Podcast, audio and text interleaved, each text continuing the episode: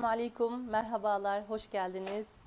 Ee, Bugün ilk defa bir soru cevap yayını yapmaya karar verdik. Aslında ben her canlı yayında kısa kısa sorularınızı cevaplamaya çalışıyorum fakat yetişemiyorum. Çok fazla soru olduğu için e, ve çok farklı konulardan sorular olduğu için. E, Bugün e, aslında en çok merak edilenleri cevaplamaya çalışacağım. Bir gün önceden bir soru kutusu açtık sizlere. Ama sorulardan çok dualarınız, tebrikleriniz e, ve sevgi duygularınız bizi çok mutlu etti. E, çok teşekkür ederim.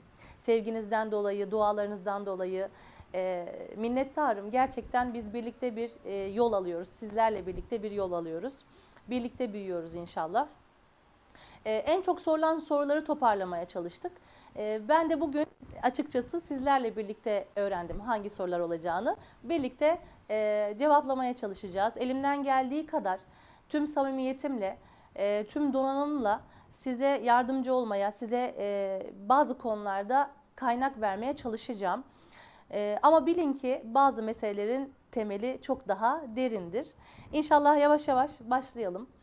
E, bir besmele çekelim. Bismillahirrahmanirrahim. Allah ağzımızdan doğru sözü çıkarsın. E, Allah doğru sözü size iletsin inşallah. Evet, e, yavaş yavaş başlayalım Esra. Ee, okul açmayı, okullarda müfredat planlamayı düşünür müsünüz? Evet, çok güzel. Aslında e, kliniğimi açmadan önce e, okul açma planım vardı ve bunu ilk girişimimi yaptım. E, çocuklarla başladım. E, ben kliniğimi açmadan önce e, bir e, ne diyeyim anaokulu da demeyeyim ama şöyle bir e, adab okulu mu desem, şöyle bir adab muaşeret okulu açtım. E, küçük bir e, yerdi, bir daireydi. E, çok e, gerçekten bir anda doldu, taştı. Hani açarken bir tane talebem yoktu. E, birinci haftada 12 talebem vardı. İkinci haftada e, yer sıkıntısı yaşamaya başladım. E, elhamdülillah bir yıl onları e, eğittik, talebelerimizi eğittik. Onlar yaş grubu olarak 5-6 yaş e, grubuydu. Hala de yani annelerinden, halen de o çocuklardan ben e, me- mesaj alıyorum. Öğretmenler günüm kutlanır. E, zaten öğretmenlik bir geçmişim var. Arabistan'da da öğretmenlik yaptım e, Me- Medine'de kendi e, yetiştiğim okulda. Türkiye'de de özel bir okulda öğretmenlik yaptım ama kendi okulumu ilk defa kliniğimi açmadan önce açtım. E, orada bir deprem vakası yaşadım e, Esra. O deprem vakasında e, hatta iki yıl ön iki yıl e, olmuyor sanırım daha da uzak bir tarih. E, o deprem vakasında o çocukların e, bir anda hepsinin anne olmayı göze alamadım. E, orada o okulu daha ileri bir tarihe erteledim. Fakat hayat bana klinik açmaya zorladı beni. Çünkü ben zaten işlemlerime devam ediyordum. Fakat farklı ofislerde, kiralık ofislerde veya bazı hanelerde buna devam ediyordum. Hayat ben- beni kliniğe zorladı ve elhamdülillah bugün kliniğimiz var. Fakat bundan, e, bu da bir müjde gibi bir şey aslında bize. Bundan yaklaşık iki ay önce e, bir e, siyasi bir partinin e, eğitim kolları e, başkanından bir telefon aldım. E, ve şöyle bir teklifle geldiler. Okullarda mizac ilmi üzerine seminerler ve e, aynen tekliflerle geldiler. Seminerler ve müfredat düzenleme hakkında. E, zaten bu benim daha önce e, Sayın Başkanımıza sunduğum bir teklifti. Sanırım bu artık yavaş yavaş olacak. Çünkü mizac ilmi e, Zeynep Işık Büyükbay ile ortaya çıkmış bir ilim değil. Fakat e, nacizane bugünün diliyle izah etmeye çalıştım. E, sanırım bu duyuldu artık. E, duyuldu. Ve şu anda sınava girecek birçok kardeşlerimiz bizden analiz aldılar ve eğitim yönlendirilmesi yapıldı. Ve anne babası ya hocam biz bunları biliyorduk ama biz bunu dengeleyemiyorduk. Yani biz bu, bu sizin gibi anlatamıyorduk. Hani siz böyle söyleyince hepsi bizde oturdu demeye başladılar. Eğitimlerini ona göre yönlendirdiler. İnşallah böyle bir planımız var. Ee, dışarıdan da teklif gelince e, sanırım pandemi sonrası okul açılımında yani önümüzdeki sezonlarda bizler artık okullarda ilk önce öğretmenlerimize sonra talebelerimize minik minik dersler başlayacağız. Ee, yine çok sayıda gelen e, sorulardan biri e, COVID-19 aşıları hakkında ne düşündüğünüzü öğrenmek istiyor Evet. takipçilerimiz hocam. Teşekkür ederim. Öncelikle yani bu soruyu bana soruyorsanız eminim ki benim cümlelerime, benim fikrime güveniyorsunuz. Çok teşekkür ederim bunun için. Ee, öncelikle şunu bildirmem lazım ki COVID-19 hakkında yani ilk başta aşıdan önce e, varlığı hakkında bir konuşulması lazım. E, bu bir e, gerçekten bir hastalık mı yoksa bir biyolojik silah mı bu tartışılır. Zaten her gün tartışılan bir konu. E, buna hiçbirimiz yüzde yüz emin olamayacağız. E, ancak birkaç tereddüt ve işaretleri takip ederseniz hayat size bir yönlendirme yapacaktır. Ben hiç kimseye bugüne kadar hiçbir anneye Covid-19 aşısından önce daha önce anneler bana gelip hocam biz çocuklarımıza aşı yaptıralım mı diye de sordular. Yani bu aşı bana ilk günden bugünden sorulmadı. Ama bugüne kadar hiç kimseye sakın aşı yaptırmayın demedim. İki tane oğlum var. İkisinin de hiçbir aşısı yok. Ee, ve ben, ailem, eşim, ben e, aşı olmadık. Fakat bu aşı karşıtıyız, hadi çıkalım savaşalım, aşılara savaşalım gibi bir duruş değil. Bu duruş şu, ben evet bir gün belki aşı olabilirim ama bu aşıyı ben helal üretimle, ülkemin üretimiyle, bana içeriğinin tamamen sunulmasıyla, e, tamamen bana yan etkilerinin ve etkilerinin izah edilmesiyle e, ancak o zaman buna ikna olup e, olabilir. O yüzden ben e, ülkemden bekliyorum. E, şu anda bir helal yolla üretimini bekliyorum. Fakat hiç kimseye aşı olmayın veya işte şöyle tehlikeli böyle tehlikeli deme yetkim yok. Zaten haberler, e, sosyal medya her şey aslında biraz da açıkça görülüyor. Bu sizin kararınızdır. Ama şöyle küçük bir tavsiyede bulunacağım. Aranızda mecbur olanlar var. Benim e, danışanlarımdan da evet yani ya işten çıkaracağım ya aşı olup geleceksiniz. Özellikle turizm sektöründe. Onlara diyorum ki buradan da duyurmuş olayım. Onlara diyorum ki madem ki böyle bir mecburiyetiniz var oturun o sandalyeye ve deyin ki Allah'ım senin her şey senin kudretinde. Her şey senin elinde. Şu an benim vücuduma zehir de enjekte etseler bunu kanıma karıştıracak olan sensin. Şifa da enjekte etseler onu da kanıma karıştıracak olan sensin. O yüzden korunma duasını okuyalım. Bismillahirrahmanirrahim. la yudurru ma ismi şeyin fil ardi ve la fis sema ve huves semiyul alim. Korunma duasını okuyun. okuyun. Ee, iğneyi vuran e, kişiden de bir besmele ricasında bulunun. Teslim olun ama tekrar söylüyorum ben şu anlık helal yolla devletimden bekliyorum. Yine bu da çok sorular sorulardan bir tanesi. E, atalardan gelen aktarımlar hakkında ne düşünüyorsunuz? E, bu aktarımların temizlenmesi mümkün müdür? Evet Esra, o kadar önemli bir soru soruyorsun e, ama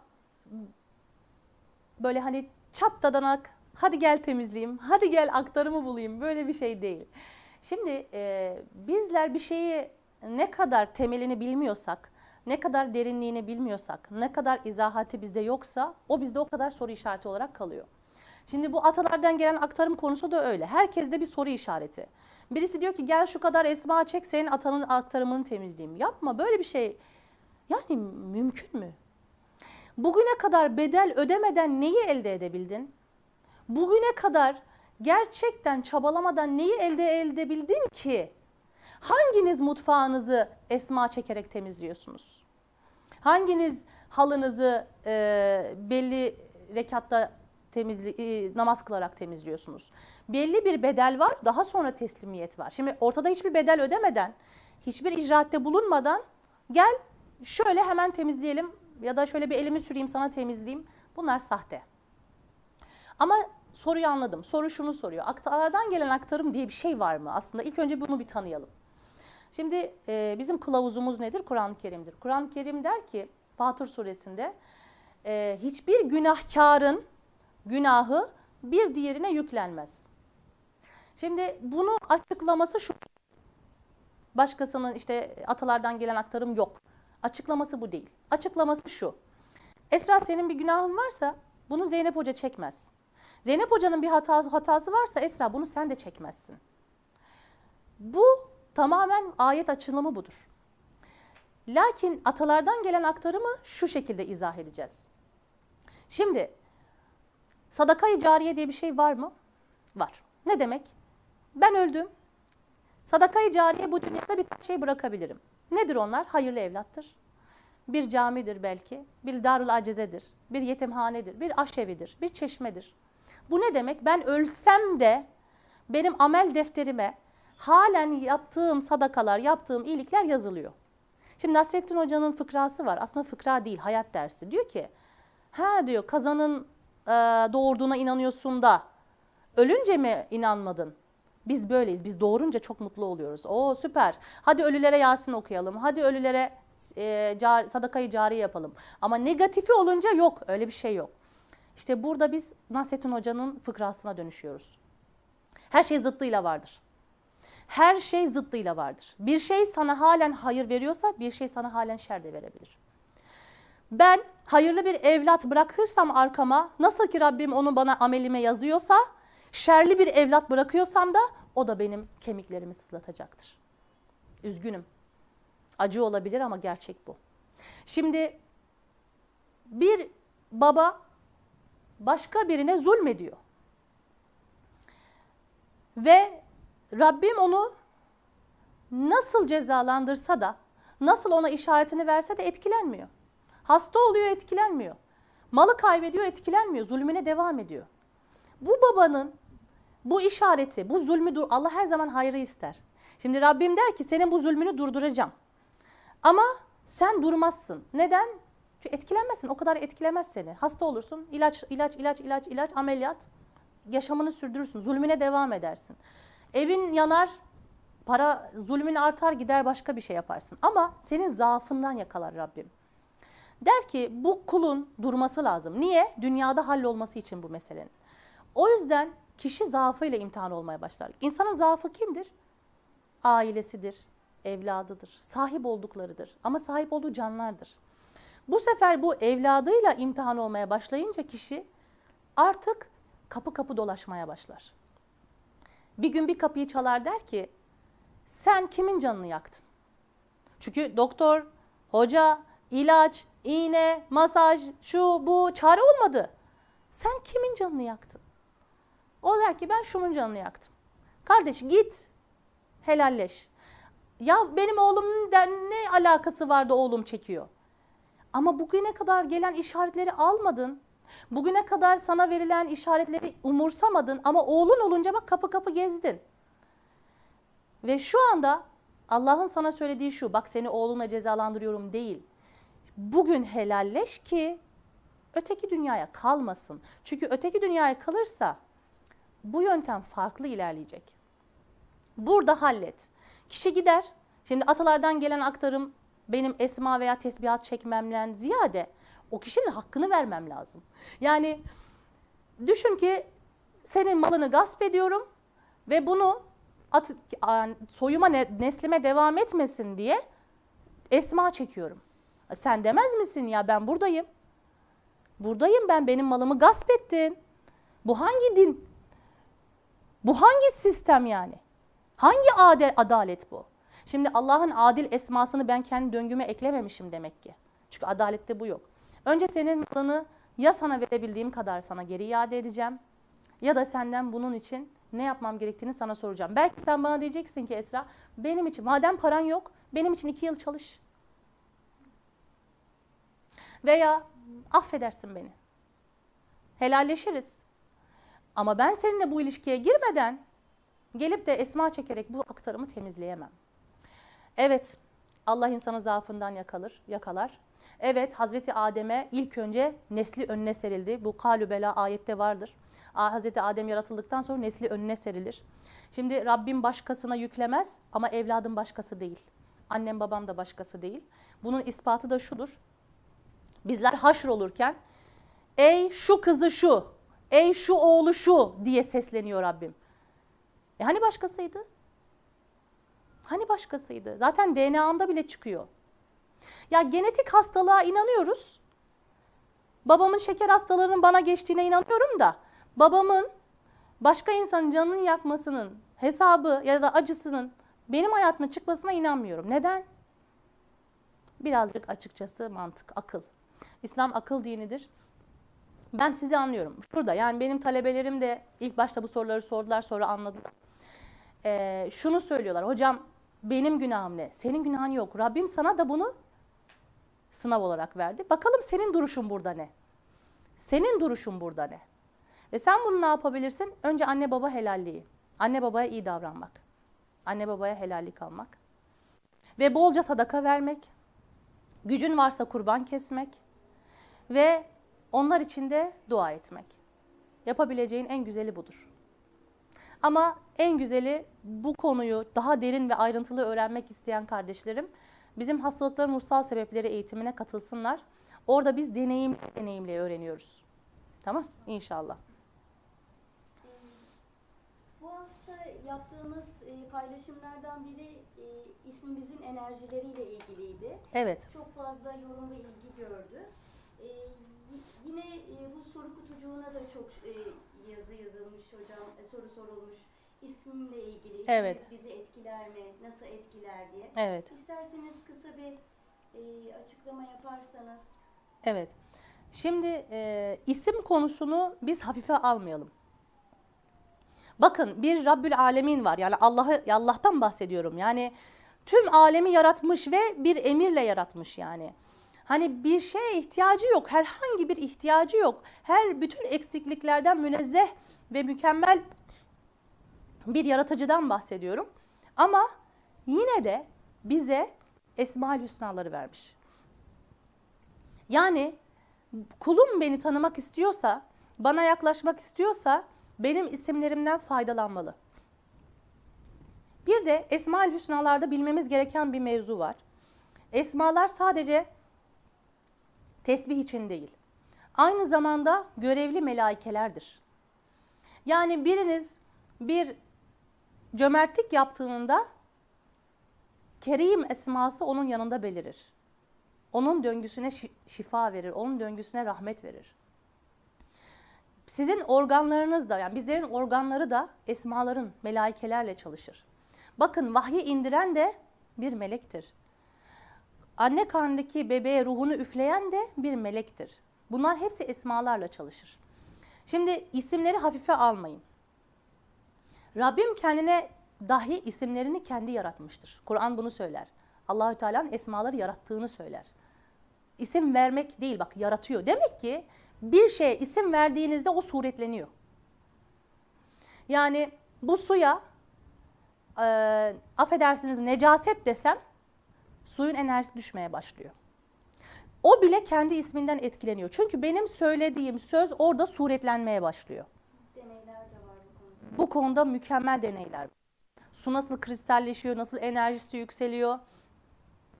Ben bu suya zemzem deyince de enerjisi farklı oluyor. Yani sadece ağzımdan çıkan şeylerin frekansları ve suretlendirilmeleri görevli melek haline gelmeye başlıyor. Şimdi kadın kızının adını örnek veriyorum Safiye koymuş. Safiye kim? Kayınvalidesi. Her Safiye dediğinde kadının işte kayınvalidesiyle yaşadığı çekişmeler canlanıyor. Ve kadının döngüsünde, ruhsal döngüsünde bu negatiflik başlıyor. Bir de üstüne üstlük kızında da istemediği davranışlar görmeye başlıyor. Kayın yani kızdığı, kayınvalidesi neye kızıyorsa kızı yapmaya başlıyor. Neden? Çünkü sen buradaki süliyeti aldın, buradaki süliyete yakıştırmaya çalışıyorsun, suretlendirmeye çalışıyorsun. Resulullah Aleyhisselatü Vesselam'ın eşlerinin birisinin adı da Safiye. Ya bu niyetle koysaydın iş başka bir şey olmayacaktı. Veya Safiye ne demek anlam oluyor? Saf olan. Safiye, nefsi safiye. Saf olan. Böyle koysaydın öyle olmayacaktı. Ama inne amelü bin niye. Ameller niyetlere göredir. Sen niyet olarak kayınvalidenin minik minimalize evine bir de onu bu blog gibi koydun. Onunla savaşıyorsun şimdi. Şimdi kızımda da şu oluşuyor. Mesela kayınvalide okumak istiyormuş, okuyamamış misal. Kızında da sen onu okutuyor olmana rağmen onun savaşı var. Ya kızım ben sana izin veriyorum okumana. Yok benim istediğim okullara yollamıyorsunuz. Yok tamam onu da yapacağım. İstediği okula yolluyorsun. İstediğim gibi öğretmen değil. Onun hayalini gerçekleştirmeye çalışıyor. Var olanı göremiyor. İnanılmaz bir şey. Yani bu perdeyi görebilmek o kadar önemli ki, o kadar büyük bir feraset ki. Resulullah Aleyhisselatü Vesselam'a bir tane çocuk getiriyorlar. Çocuk çok düşüyor. Çocuğun adı ne diyor? Bu çocuğun adı diyor Sayık. Sayık da Arapça işte Leyla gibi. Leyla hani böyle dengesi yok çok. Resulullah şaşırıyor diyor. Siz ona bunu söylemişsiniz yani. Siz ona bunu söylemişsiniz. Tabii ki böyle olacak. Yani bunu değiştirin. Bunun ismini hemen değiştirin. Bakın Efendimiz'e de emin sıfatı ekleniyor. Ve emin sıfatı eklenmesi de bir süreç alıyor. Bu süreci ekledikten sonra Resulullah Aleyhisselatü Vesselam'ın hayatı çok daha farklı ilerlemeye başlıyor. Yani bunlar basit meseleler değil. İsimleri hafife almayın. Bakın ayette de diyor biz Adem'e eşyaların isimlerini öğrettik. Eşyalarda değil isimlerini. Çok yani çok uzatmayayım. Tek bir cümleyle bitireceğim. Kavram yoksa karmaşa vardır. Benim su dediğime sen kan diyorsan savaşırız. Ama kavramı ikimiz de biliyorsak ayrışma biter. Bizler kavram sıkıntısı yaşayan toplumuz. İnşallah isimler konusunda daha hassas olalım. İnşallah.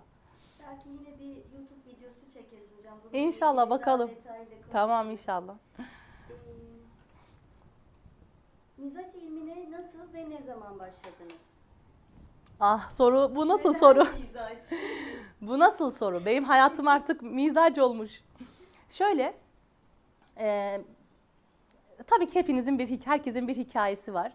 E, benim hocam e, bir gün demiştik, senin hikayen ne? Daha ben yani çocuktum. O gün anladım ki hikayesi olması, bir insan hikayesi olması çok önemli. Benim hikayem bu. Ben daha e, tam cümle bile kuramıyorken düşünmeye başlayan bir insanım. Eminim benim gibi birçok insan var şu an beni dinleyen. Güneş niye güneş? Ay niye ay? Merak ediyorum. Birisi bana izah etsin. Yani kendime susuz yaşama, yemeksiz yaşama, havasız yaşama deneyleri bile yapmışımdır yani. Ne, neden geldim? Nereye gidiyorum? Bu yol nereye? Benden beklenen ne? Ne yapmam lazım? Bu içimdeki ben miyim yoksa başka birisi mi? Bu vücut benim mi yoksa vücutlarımızı değiştirebiliyor muyuz? Çok küçükken acaba şu anda annemin vücudunda olsaydım ne yapardım diyordum. Yani çok daha küçük yani düşünmeye başladım. Yani mizac ilmiyle ne zaman tanıştım? Düşünmeye başlayınca. Ee, şunu çok iyi anladım. Ben 2 kilo alınca rahatsız oluyorum. Başka birisi 10 kilo alıyor çok rahat. Çok rahat. Etkilenmiyor. Benim vücudumda kesikler oluyor, çatlaklar bir şeyler. Onda süper, pürüzsüz. Burada bir şeyler var. Sonra ego savaşları Esra. Hmm, ben ne kadar güzel bunu yapabiliyormuşum. Bu niye yapamıyor? Bunun acaba aklı mı az? Sonra bir bakıyorum benim yapamadığım hiçbir şeyi mükemmel yapıyor. Kendime utanıyorum. Ay bunu ben yapamıyorum. Artık yani ego savaşı nedir? Hazreti İbrahim'in Allah'ı bulması gibi. Kesin Rabbim bu dedi. Çünkü beni beni beni ısıtıyor. Kesin Rabbim bu beni aydınlatıyor. Sonra bakıyor ki bunlar değil. Aynen bunun gibi. Kendimi ararken, cevapları ararken anladım ki her insan başka. Daha sonra e, Allah onun ömrünü uzun etsin. Allah onu başımdan eksik etmesin. E, dedem benim ilk e, hocam, ilk öğretmenim. Bana artık tasavvufla, ilim yoluyla e, insanların nasıl ayrıştığından bahsetti. Tabii ki bizler e, ilim konularında ateş, hava, su, toprak demiyoruz. E, ahlat-ı erbaa diyoruz. E, anasır-ı erbaa diyoruz. E, bu da tabii ki şu anki dört elemente tekamül ediyor. İlk oradan başladı. Sonra hayatıma bir üniversite hayatı, yoğunluk, iş hayatı, yani küçük küçük boşluklar girse de ben bir gün bir baktım bunun üniversitesini okuyorum. Elhamdülillah. Ama şunu söyleyebilirim ki e, Zeynep Işık Büyükbay doğduğundan beri yani düşünmeye başladığından beri e, varlığı zaten tahlil ediyormuş. Evet şükürler olsun. Zaten bir şey bedelini ödemezseniz o size gelmez ki. Onu ne kadar kemirdiğinize bağlı. Bir şeyi ne kadar kemiriyorsanız o size açılır. Ee, Aydın, Salih ve gerçek tıp hakkındaki düşüncelerinizi de merak etmiş. Evet, evet, evet. Aydın Salih e, hanımefendi e, kıymetlidir, değerlidir. E, bize ona dil uzatmak yakışmaz asla ve keza e, emek veren her insan kıymetlidir. E, şu anda tıbbı nebevi hakkında çok güzel e, icraatlerde bulunmuş, deneyimler yapmış bir kişiliktir. Hayatının çoğunluğunu bu konulara adamış bir kişiliktir. Mutlaka hepinizin hayatını, Aydın Salih Hanım'ın hayatını okumanızı tavsiye ederim. E, minnettarım tabii ki. E, şu konuda belki nacizane, hani çok e, hatam varsa affola ama şu konuda bir değinmem gereken bir konu var. O da neden? O da haddimi şuradan alıyorum. Haddimi okuduğum ilimden alıyorum. Yoksa e, hiçbirimiz çok önemli bir yani bir yargılayıcı değiliz. Ama haddimi şu aldığım ilimden alarak şunu söyleyeceğim. Ayet ve hadisler canımızın istediği gibi yorumlanamaz. Kendi anladığım gibi yorumlayamam. Bunu yaparsam içimde saklamalıyım. Ama bunu ilan edersem vebali var. Bir diğeri de İslami yargı koyabilmek için belli bir iman seviyesi, eğitim seviyesi ve bilgi seviyesi gerekiyor. Yani şu anda Zeynep Hoca çıkıp fetva veremez. Bunun için daha yolu var. Ki o donanımı olsa bile yolu var. Peki hiç donanım yoksa? Çok özür diliyorum. Bir insana sen şeytan doğurmuşsun veya sen işte e, şu organın hasta sen şeytanlaşmışsın veya aşırı günahkarlıktan dolayı bu organın senin gitti gibi bir ithamda bulunmak İslam'a iftira olur. Bunu yapamayız. Ve Aydın hocamın da eminim ki bu niyetle söylememiştir. Eminim ki o tedirginliği vermek istemiştir. O tedirginliği vermek istemiştir. Mesela e, küçükken derlerdi ki işte küçük e, karanlık işte geceleri tırnağını kesme. Halbuki bu günah değil, haram değil. Hani ışıklar az olduğu zaman eski zamanda aynen yanlış elimi keserim, parmağımı kanatırım, bıçakla şeyle kesiyorlardı. Buradan kalan bir adet, gelenek, görenek ama İslam'mış gibi izah ediliyordu. Ne oldu? İslam'ı yıprattı. Şu anda tüp bebekle, tüp bebek yoluyla evlat sahibi olan kadınlara sen şeytanın çocuğunu doğurdun gibi bir ithamda bulunmak çok acımasız. Hayat bu kadar toz pembe değil ki. Yani bunu yapamayız. Bu bizim haddimiz değil.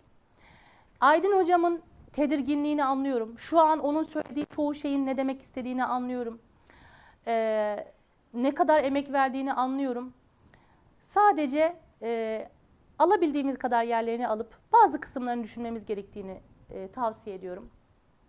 Önemli ünlem koyarak açlığın asla ve keza insan fıtratına uygun olmayan bir davranış olduğunu, hiçbir İslami literatürde oruçun oruç dışında yani Ramazan orucu ve nafile oruçlar dışında asla aç kalınmanın önerilmediğini biliyoruz. Şimdi neden hocam peki biz bunlara kaptırdık kendimizi gittik?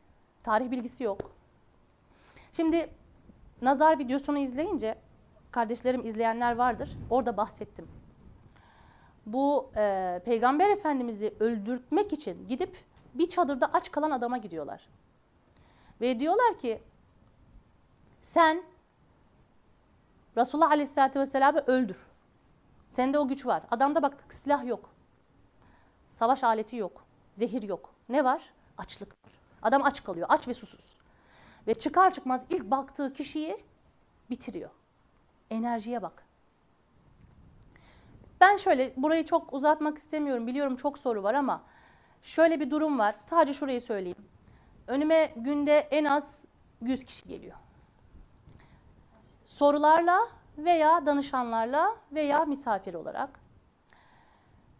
Açlık yapıp da duygularını kaybetmeyen, merhametini kaybetmeyen, cinsel hayatı bitmeyen, vücudunda soğukluk oluşmayan, hızlı yaşlanmayan bir kişi görmedim.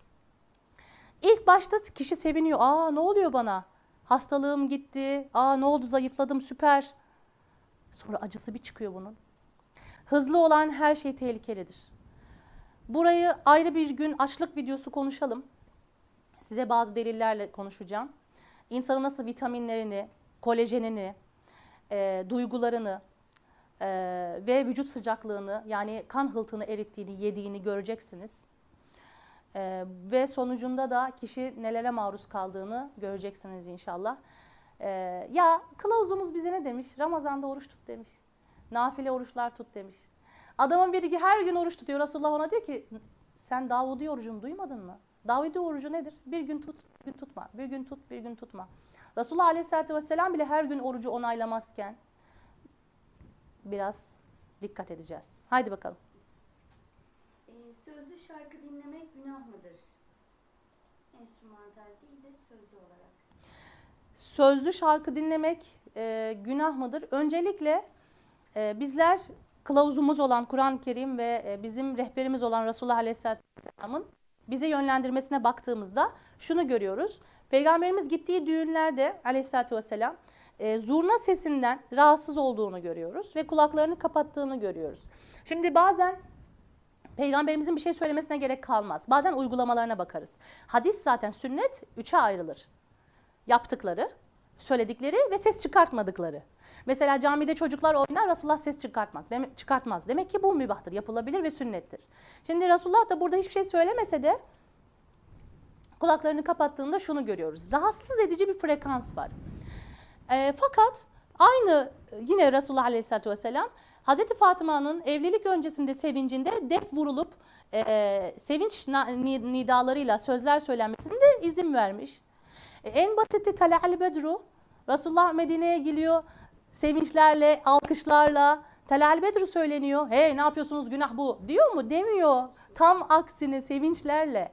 Şimdi sevincini bir yerde gösterebilirsin. Bizim problemimiz ne biliyor musun Esra? Biz ne dinlediğimizi bilmiyoruz. Bu dinlediğimizin frekansı 400 seviyelerin altında. Yani bu ne demek? Bu benim insani yani insan e, şu nefis tepe çakrası 100 frekansı. Yani demek sen benim şuralarıma falan hitap ediyorsun. E, beni aşağı çekiyorsun. Ve söz büyüdür. Yani şarkıda diyor ki işte ben yoruldum hayat gelme üstüme. Sabah dinledin.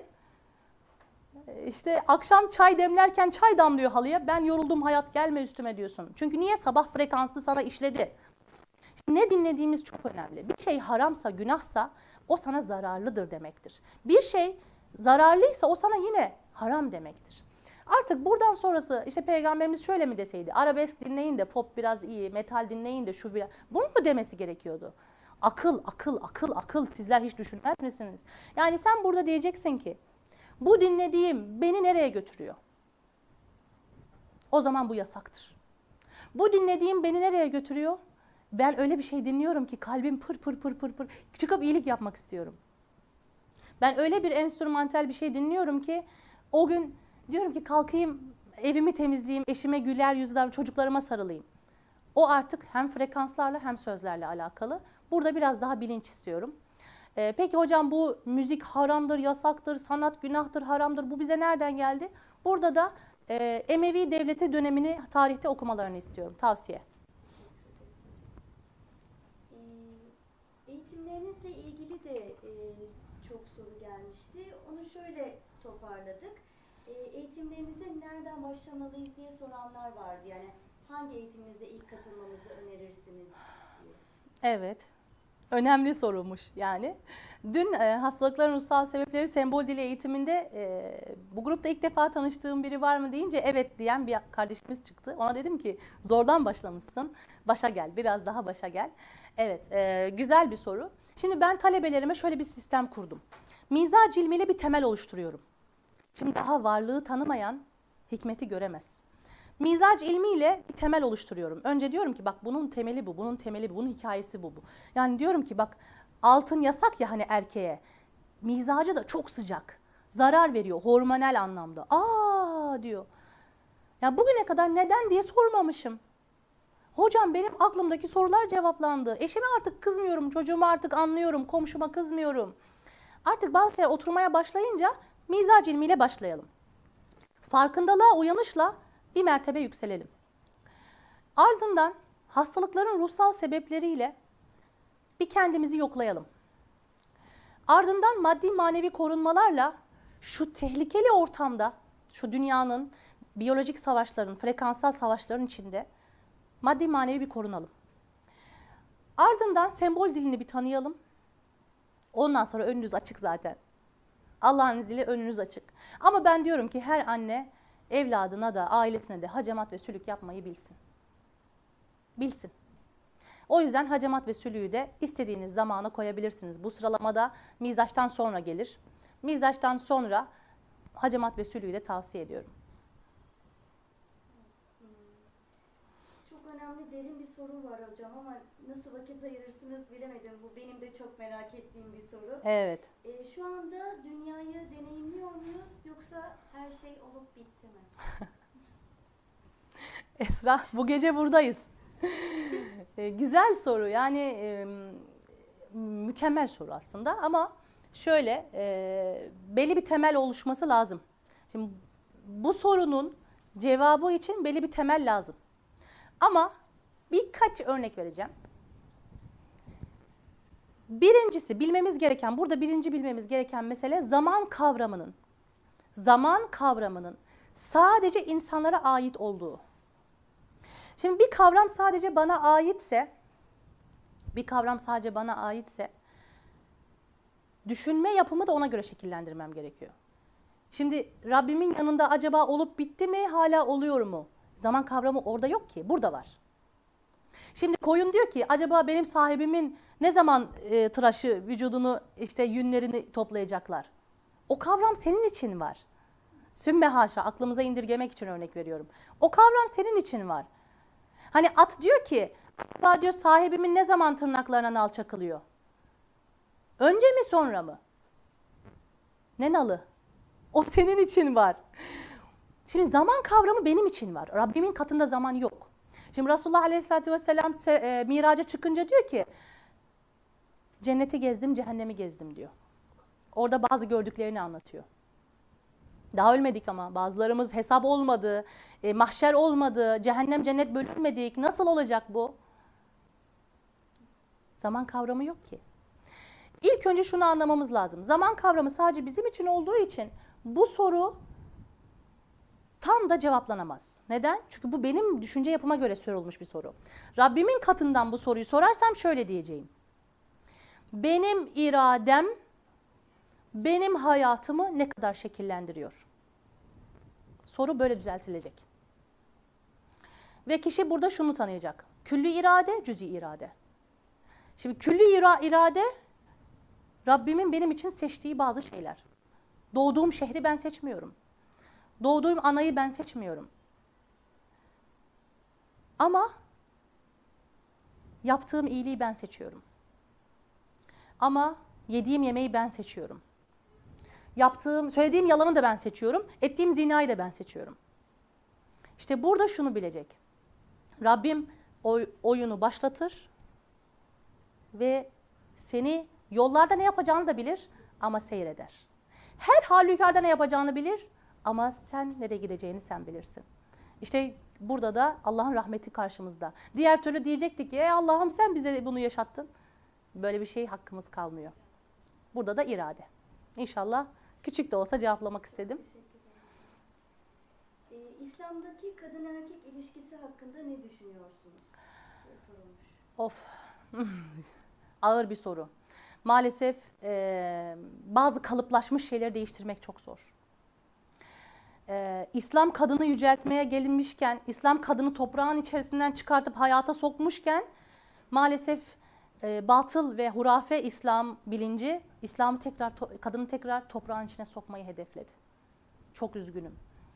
Ama kalıplaşmış şeyleri değiştirmek çok zor. Yani ben şu an bugün burada konuşacağım ama e, çoğu kişinin hoşuna gitmez. Niye? Alıştığı o kadın aşağılık duygusunu bozmak istemiyor.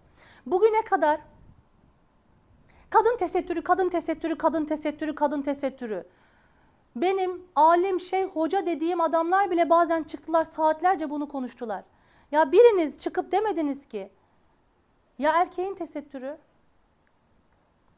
Acaba Resulullah Aleyhis- Aleyhisselatü Vesselam'ın giyindiği gibi mi giyiniyorsunuz da? Bu kadar yargılayıcı davranıyorsunuz. Ve o zaman kadınlara verilen müsamaha şu anda bile verilmiyor. Ki bu müsamaha dediğim şey helal daire içerisinde. Haram daireyi asla zaten. Yani benim öyle yetişmiş kadınım var ki eşine dahi güzel giyinmeyi haram görmüş artık.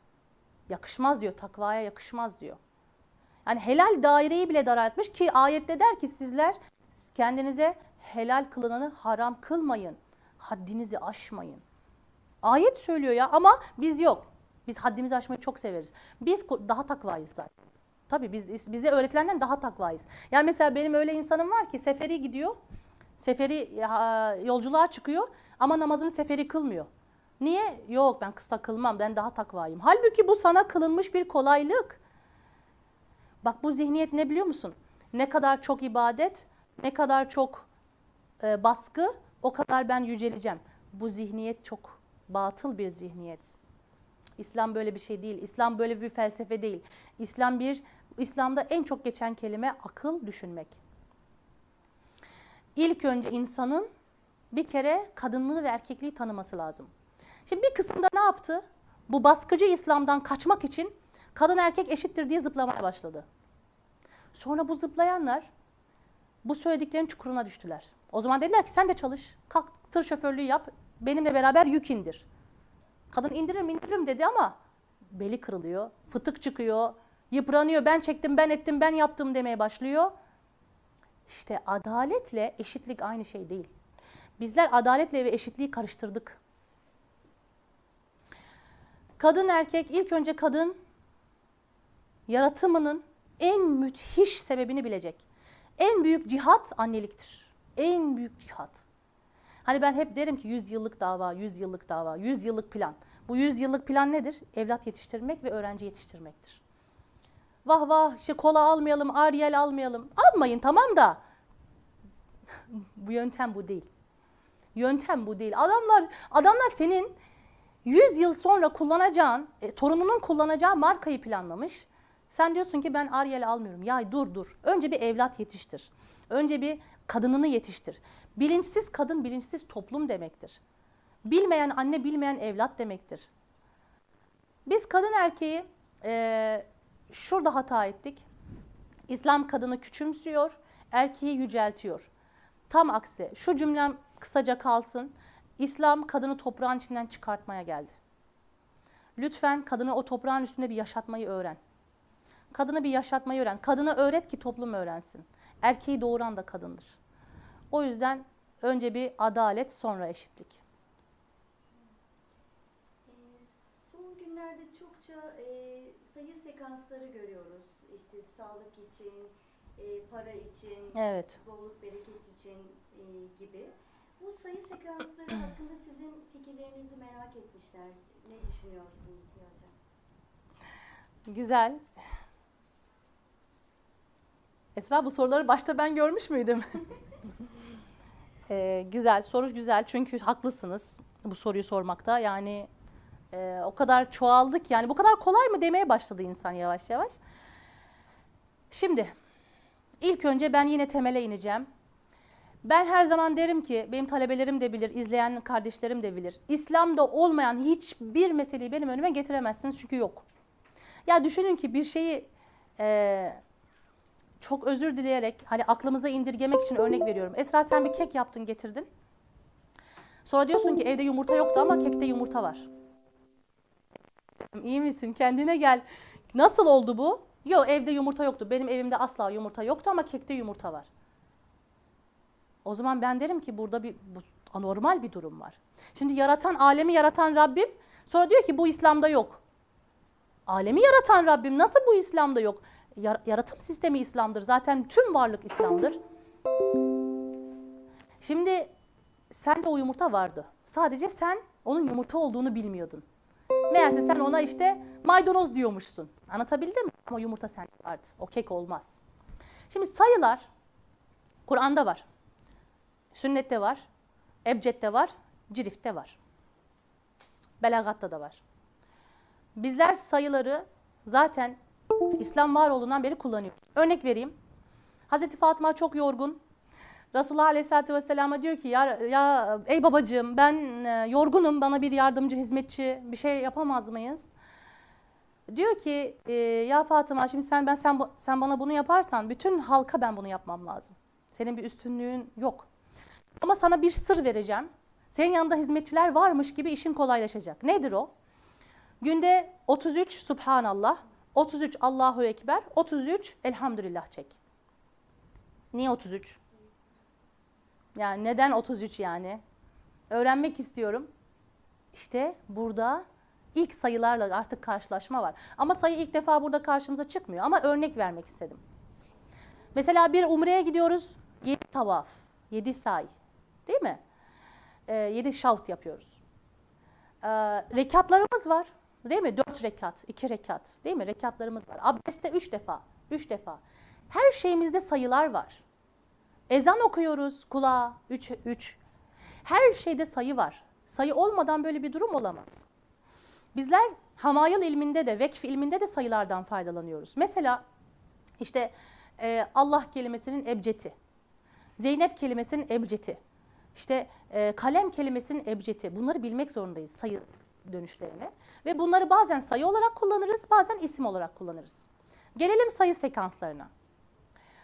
Bir şeyin izahatını bilmiyorsanız bu biraz tahammül edilesi zor şeylerdir.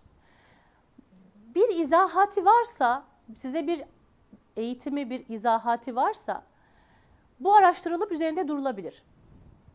Evet, bir şeyin sayısında sırrı vardır. Fakat işte bu sayıyı çek, egzaman bitsin, bir izahat gerekiyor. Bu sayı neyin karşılığı? Hangi harfin karşılığı? Hangi enerjinin karşılığı? Hangi frekansın karşılığı?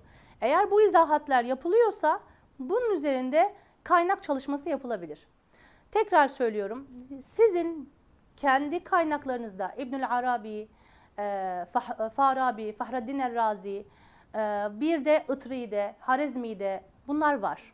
Sayılar var. İlk önce kendi sayılarınızı bir ebcedinizi bir öğrenin. İlk önce ebced ilmini bir öğrenin. İlk önce cirfti bir öğrenin. Bir vekf yazmayı, en ufak bir vekf yazmayı bir öğrenin. Sonra inşallah onlar da sırasıyla gelir. Tamam? Ee, sizinle ilgili e, özel sorular da var. Ne kadar özel. Ama yanıtlamak tabii ki size kalmış. Evet, burası biraz Ee, sıcak. Mezhebiniz nedir ve bir mürşidiniz var mı diye Oh, soru çok bir, bir güzel soru. Meraklı bir meraklı bir e, takipçimiz. Haklısınız tabii ki ama bazen de iz ve işaret takip etmek lazım. Yani şimdi Zeynep Hoca'yı dinleyen az çok anlamaz mı yani? Artık biraz iz ve işaret takip etmeyi öğrenmemiz lazım. Ee, ilk önce mezheplerin ne olduğundan bahsedeyim. Resulullah Aleyhisselatü Vesselam'ın e, ardından dört halife, büyük halife ardından biraz daha saltanata dönüşen bir Ehl-i Beyt ailesi var. Ve daha sonra e, artık kollar e, çıkmaya, savaşlarla halifelik alınmaya başlandı. Ve işte e, bazı kollar oluşmaya başladı. İşte Ehli Rey, Maturidi, Eş'ari, Şia gibi yollar ehli sünnet açılmaya başladı. İnşallah ilk önce mezheplerin ne olduğunu e, bütün izleyicilerimize e, okumalarını, dinlemelerini tavsiye ederim. E, bi- Biz ne olduğunu bilelim ki hani ona göre bir yorum yapalım. Mesela dört hak mezhebin olduğundan haberimiz olsun ve bu dört hak mezhebinde ehli sünnet çatısında olduğundan haberimiz olsun ve senin mezhebin o e, işte Hanifi, Ebu Hanife'ye bağlı, benimki işte Maliki'ye bağlı, "Hmm, sen öylesin gibi davranışların asla İslam çatısı altında olmadığını bilelim. Ee, ve e, ameli ve itikadi olarak mezhepler ikiye ayrılır. Türkiye'de herkes ameli mezhebini biliyor. Hiç kimse itikadi mezhebini bilmiyor. Hiç kimse demeyeyim ama çoğunluk itikadi mezhebini bilmiyor. Size tavsiyem oturup itikadi mezhebinizi öğrenin. Ee, ben ehli sünnetim elhamdülillah. Ee, ve e, babam e, Şafii'dir. Annem de e, Hanifi'dir. Bizler de babadan geçtiği için Şafii olarak devam ettik. E, İmam Şafii'ye bağlı olarak. Fakat e, daha sonra bazen Umre'de Ebu Hanife'ye e, niyet etmek zorunda kaldık. İşte kalabalıktan dolayı elimiz değiyor e, gibi böyle tehlikeler va- var oluyor. Daha sonra Türkiye'de baktık işte o öğrencilik hayatı otobüsler bazen yine Ebu Hanife'ye niyet etmek zorunda kaldık. Fakat e, burada en önemli şey e, La ilahe illallah Muhammedur Resulullah dedikten sonra kişinin sünnet üzere bir e, mezhebi, itikadi ve ameli mezhebini belirleyip devam etmesidir. İnşallah buna devam etmek lazım. E, mürşid olarak e, iki kola bağlıyız. E, babam tarafından e, Nakşibendi Seydi Hazretlerine e, bağlıyız. Annem tarafından daha Kadiri e, koluna bağlıyız. Ben iki soydan geliyorum. E, Rabbim layık eylesin. E, İkisinin de e, derslerini aldım ve içlerinde bulundum. Şu anda e, Nakşi e, tarafına daha yakınım fakat e, birçok e, rabıtamda ve e, ilmi ilerlememde e, birçok Mürşid-i Kamil'in yolundan gittim. E, eserlerinden faydalandım, sohbetlerinden faydalandım. Bütün Allah dostları benim yolumda birer kandildir. Tabii ki tarikat ehli olmak, tarikatı tanımak büyük bir ayrıcalıktır. Tavsiye ediyorum yani eğer doğru bir bakış bulursanız ilerlemeniz. Hacamat ve sülükle her şey tedavi olur mu diye bir soru gelmiş. Hı hı. Öncelikle hastalık yani hacamat ve sülükle her şey tedavi olur mu? Önce hastalığı tanıyın. Yani bazı hastalık var ruhsal. Bazı hastalık var bedensel. Bazı hastalık var enerjisel. Lakin şöyle bir şey var. e, Benim e, hocam üniversitede bana şöyle bir şey söyledi bu hacamatla ilgili. Sülük bir farklı mesele ama hacamatla ilgili şöyle bir şey söyledi. Dedi ki bak insanlar hasta neden hastalanır? Bu e, imar olabilir. İmar ne demek? İmar şu demek. Soğukluk, sıcaklık, kuruluk, ıslaklık. Mizaç demek. İmar olabilir. Bu dert olabilir. Dertten de insan hasta olur. Bu cinler olabilir. Cinler insanı hasta eder. Nazar olabilir. Enerji. Bu kilit olabilir. Yani büyü. Buna demiş ki mesela Allah yani lanet etsin. Bu e, Kur'an'da da lanet edilmiştir. Asla hiçbir şekilde olumlu olumsuz yapılması haramdır. İnsanlara tehlikeli şeyler yapmak. Bunlardan hasta olabilir. Şimdi bu nereye bağladık? Hacamat bunların hepsini tedavi eder. Evet. Hangisini seçeceksiniz diye içimden pek- Hangisini seçeceğim? Hacamat bunların hepsini tedavi eder.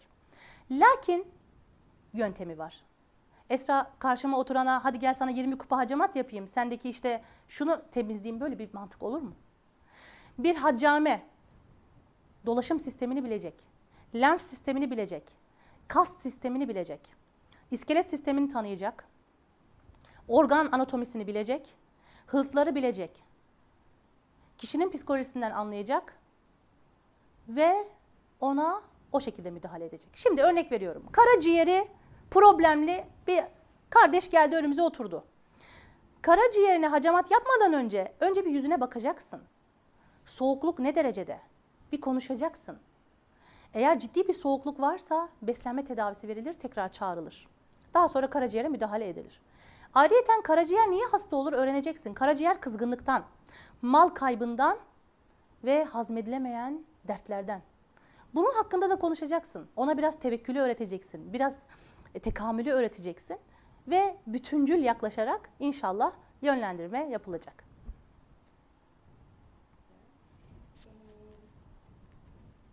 Kolektif bilinç bizi nasıl etkiler? Kolektif bilinç. Bir yudum su alabilir miyim? Bu, bu sorunun üzerine bir su içebilir miyim? Kolektif bilinç bizim farkındalığa uyanış dersinin müthiş konularından birisi. Köstebeklerden Evet. Evet bravo. Şimdi kolektif bilinci şu kadarcık anlatacağım Esra. Çok biliyorsun müthiş bir konu ama bu en önemli kısmından bahsedeyim ki. Kardeşlerim bilgi bir yerde bekler. Mesela örnek verelim. Ne hakkında bir bilgi olsun? Ee, dokuma. Bir şey dokuma hakkında, kumaşlar ve dokuma hakkında bilgi olsun. Komple hepsi, bütün ayrıntıları, gelecek geçmiş hepsi bir yerde bekler. Ve tüm insanlar o bilgiye yaklaşmaya çalışır. O konuyla ilgilenen. Mesela Ahmet amca, Mehmet amca, Mustafa amca, Ali amca, bir de Ayşe teyze, Fatma teyze hepsi dokumacı. Hepsi hayatında ne kadar bu konuyla ilgileniyorsa o ortadaki bilgiye ulaşmak için yürümeler başlar. Böyle yaklaşmalar başlar. Birisi 20 yıldır yaklaşıyordur, birisi daha 2 yıl olmuştur. Birisi buradadır, birisi buradadır. Şimdi öyle bir şey var ki Mesela Edison'un ampulü bulmasıyla aynı hafta, aynı gün, aynı saatler içerisinde 6 yerde aynı anda bulunuyor. Bak biri açılım başladı mı diğerleri de hemen kolaylıkla buna ulaşmaya başlıyorlar. Demek ki kolektif bilinç şu. Benim ortada zaten yani bilgiyi bana ben yaratmıyorum. Sümme haşa. Yaratmak insana mahsus değil. Bilgiyi ben keşfediyorum. Bilgiyi yaratan Allah'tır. Şimdi bilgiyi Allah burada bir kürede yaratıyor ve kişi oraya yaklaşmaya başlıyor. Mesela bir e, oyacı teyze oya yapıyor. Aa diyor kendi kendime bir oya çıkardım. Ne kadar da güzel oldu. Yarın bakıyor ki bir oya dergisinde aynısı var. Çünkü bu bilgiyi sen yaratmadın. Bu bilgi zaten vardı. Sen oraya kolektif olarak yaklaştın. Şimdi bizi nasıl etkiler? Neyi kemirdiğinize göre değişir Esra. Sen 24 saat dedikodu, dedikodu, dedikodu, dedikodu, dedikodu hakkında uzmanlaşır, ustalaşırsın. Ve yani tahmin edersin dedikoduyu. Ustalaşırsın yani. Sen neyi kemiriyorsan, kolektif bilinçte neyi kemiriyorsan orada uzmanlaşmaya başlarsın. Ve sen neyde uzmanlaşmaya başlarsan seninle birlikte o yolda olanların da ufkunu açmaya başlarsın. Yani şu cümleyle bitireyim. Bir şey keşfedemiyorsanız bile ameli olarak, fikri olarak düşünün. Bu düşünceniz bile diğerlerine yardımcı olacaktır. Evet. Evet, evet, evet. Harika. Ee, son iki sorumuz hocam. Sizi daha fazla yormak istemiyorum. Evet. Zaten bir saati dolduracağız hemen hemen az kaldı. Harika. Ee, sosyal medyada ve e, çevremizde şifacılar çıktı. Bunlara güvenmeli miyiz? Aa. Evet, çok üzgünüm. Toplum adına tedirginim. Şifacı, yani şifanın sahibi Allah'tır. Hiç kimse şifanın kaynağı değildir, olamaz da. İşte kim daha çok kemirdiyse, o küreye yaklaştıysa, o tedavilerde, şifaya vesilelerde o daha çok sahip oluyor. Ama kaynağı olmuyor. Eğer ben gel seni şifalandırayım, ben bunun kaynağıyım diyorsa eyvah. Bu bir. Kardeşlerim siz hayatın bu evresine kolay mı geldiniz? Yani siz eşiniz ya da siz bir meslek sahibiyseniz, aranızdan birisi muhasebeci ise kolay mı muhasebeci olduğu? Kaç tane online eğitimle, iki tane online eğitimle mi muhasebeci oldunuz? İki tane kitap okudunuz da mı muhasebeci oldunuz? Öyleyse ben de olayım yarın. Neden bir muhasebecinin 4 yıl üniversite okuyup birkaç yıl tecrübe etmesini bekliyorsun da neden karşındaki kişinin bir haccame, bir biyoenerjist, bir mizaç uzmanının iki eğitimle donanıma sahip olmasını bekliyorsun? Daha bir hocanın dizinin dibinde oturup da edeple dersi dinlememiş, daha bir kitabı bile altını çize çize, not ala ala, sınavına gire gire, saçını beyazlata beyazlata, sabahlara kadar ders çalışa çalışa, ailesinden uzak fedakarlık etmeden bunları tatmamış bir insandan ne bekliyorsunuz yani? Birazcık lütfen feraset, birazcık basiret. Evet, online eğitimde çap diye bir anda hop bir baktın çıktı, bir baktın şu çıktı, bir baktın ben gel seni şifalandırayım. Şifa bir kere temiz yere gelir. Gusül, abdest, namaz, farkındalık, helallik. Bir kere şifa temiz yere gelir. Dikkat. Döngünüzü kirletmeyin, döngünüzü emanet etmeyin herkese.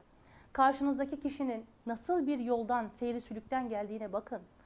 Nasıl bir e, hayat döngüsü yaşadığına, kimlerin dizinin dibinde oturduğuna, ya birisinin dizinin dibinde oturmasına bile şükredeceğim artık.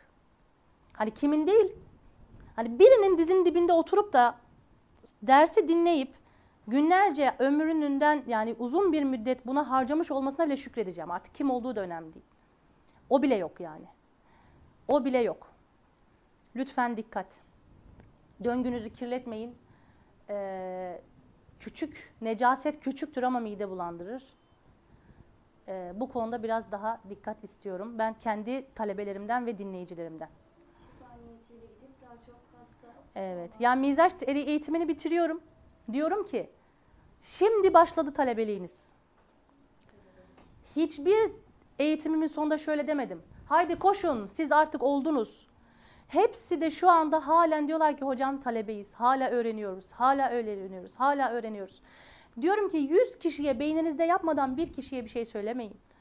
Daha ben bu kadar tedirginken her her e- elimi açtığımda Allah'ım onları sen muhafaza et. Sen onların ilmini arttır diye dua ederken böyle hani yağmurdaki mantarlar gibi bu kadar hızlı olamaz. Olamaz yani. Emek ister, sabır ister.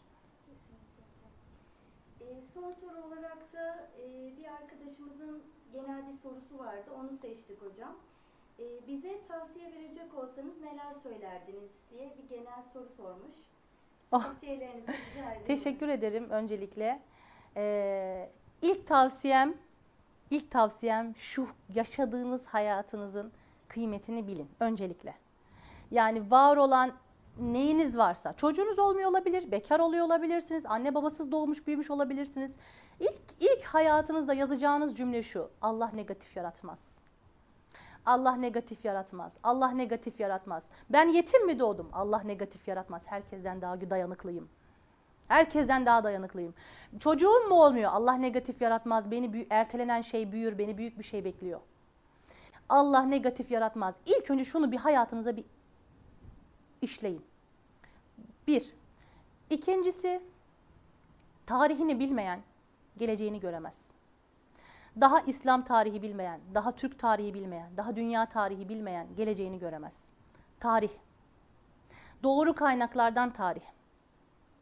Başkasının imanıyla iman etmeyin. Sizden, gönülden talebim bu. Başkasının imanıyla iman etmeyin. İlk yapacağınız şey tarih ve Kur'an'ı mealen okuyup daha sonra üç farklı tefsirle okumak. Tefsirler değişkendir. Bazıları maddesel olarak ele alır, bazıları e, mecazi olarak ele alır. İkisini de bilmek gerekir. Bu doğru, bu yanlış değildir. Yorum yanlış olmaz zaten. E, tefsirden sonra kişi hayatındaki aracıları ayardan kaldırmayı öğrenmeli.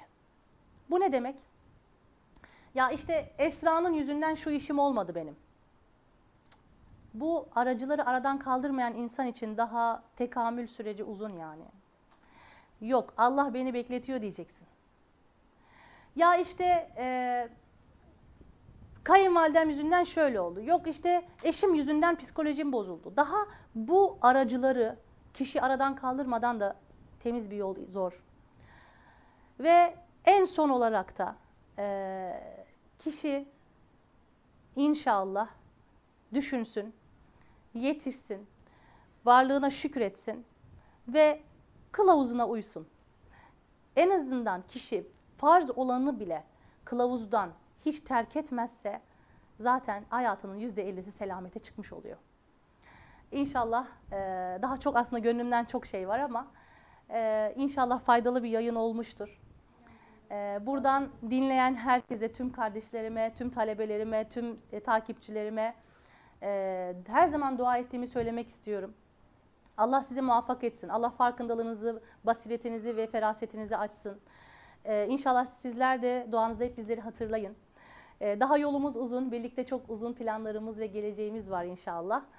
Ee, Allah'a emanet olun. Ee, desteklerinizi bekliyoruz her zaman. Teşekkür ederim.